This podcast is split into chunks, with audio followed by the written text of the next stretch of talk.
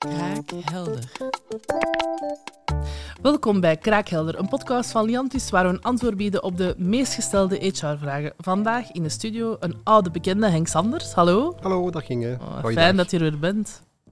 Het is al de, de, de derde of de vierde keer. Je bent een, eh, een vaste gast aan het worden. Is fijn om hier te zijn. Ah, dat, dat, dat is tof. Eh, Henk, we hebben het al gehad in de vorige afleveringen over het eh, aanvullend pensioen. Ehm, we hebben al een beetje bekeken wat de kapstok is, wat de mogelijkheden zijn voor onze eh, werkgevers. Eh, maar nu misschien eens induiken op ehm, de wanneer dat die eigenlijk kan opgevraagd worden, die, eh, die eh, Ja, de aanvullend pensioen. Waar dat, eh, onze, of de werknemers heel lang voor gespaard hebben en de werkgevers. Dus dat mooi moment. Klopt. En zoals je zegt, er heel lang voor gespaard hebben, dus Mhm. men moet inderdaad wel wat wachten. Ja. Dus de werkgever betaalt een premie om een pensioen, aanvullend pensioen te Mhm. gaan opbouwen. En de werknemer moet wachten, moet, ja, eigenlijk, eh, de wet heeft het zo bepaald, tot eh, hij op pensioen gaat. Dus hij lang, kan hè? het inderdaad niet vroeger opnemen. Ik Dat heb, is nog een keer op, eh, ik heb nog een keer op My Pension gekeken. Voor mij is dat nog heel Ja. lang. Hè? Ja, daar raad ik ook aan aan iedereen om daar eens te gaan kijken. Mhm. Op uh, My Pension zie je inderdaad eh, je situatie over je wettelijk pensioen, Mhm. maar ook over je aanvullend pensioen. En ook dat deeltje van het aanvullend pensioen, dat zal altijd maar meer aangevuld worden met nieuwe gegevens. Vanaf 2026 heeft de regering eh, grote plannen Mhm. om alles over die aanvullend pensioen daar eigenlijk te gaan afbeelden. Alright. Maar goed, we waren bezig over wanneer een werknemer zijn aanvullend pensioen kan gaan afnemen. Je brengt me weer bij de les. Wel, dus eh, ik had gezegd, dus, eh, hij moet wachten, of hij, zij moet wachten, tot eh, hij of zij het, aan, het wettelijk pensioen gaat, gaat Mhm. opnemen. En dat is op vandaag, eh, op 65-jarige leeftijd. Mhm. Vanaf 2025 wordt dat 66 jaar, de wettelijke pensioenleeftijd. En in 2030 wordt dat 67 jaar. Maar er zijn mogelijkheden, je kan dat ook zien op MyPension, om vroeger op je wettelijk Mhm. pensioen op te nemen. En dan moet de werknemer daar eigenlijk niets voor doen.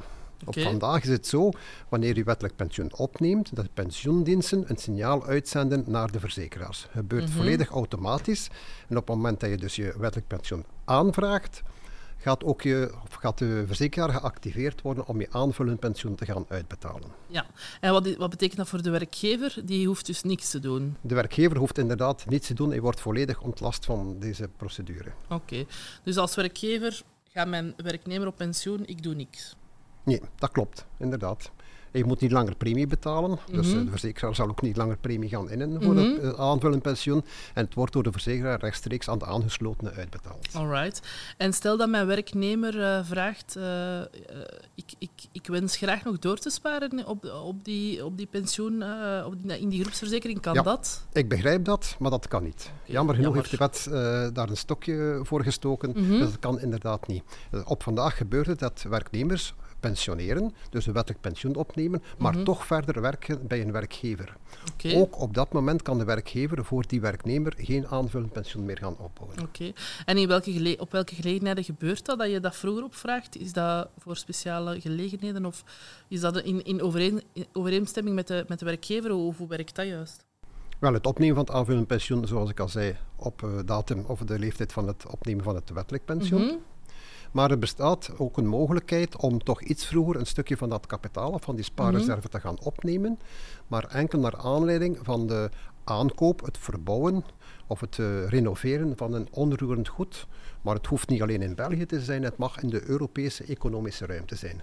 Dus een, het financieren van een vakantieverblijfje wanneer je op pensioen bent in Portugal of in Spanje, Italië, dat kan allemaal. Ah, sounds like a plan. Mm, inderdaad. Staat dat op de planning, Henk?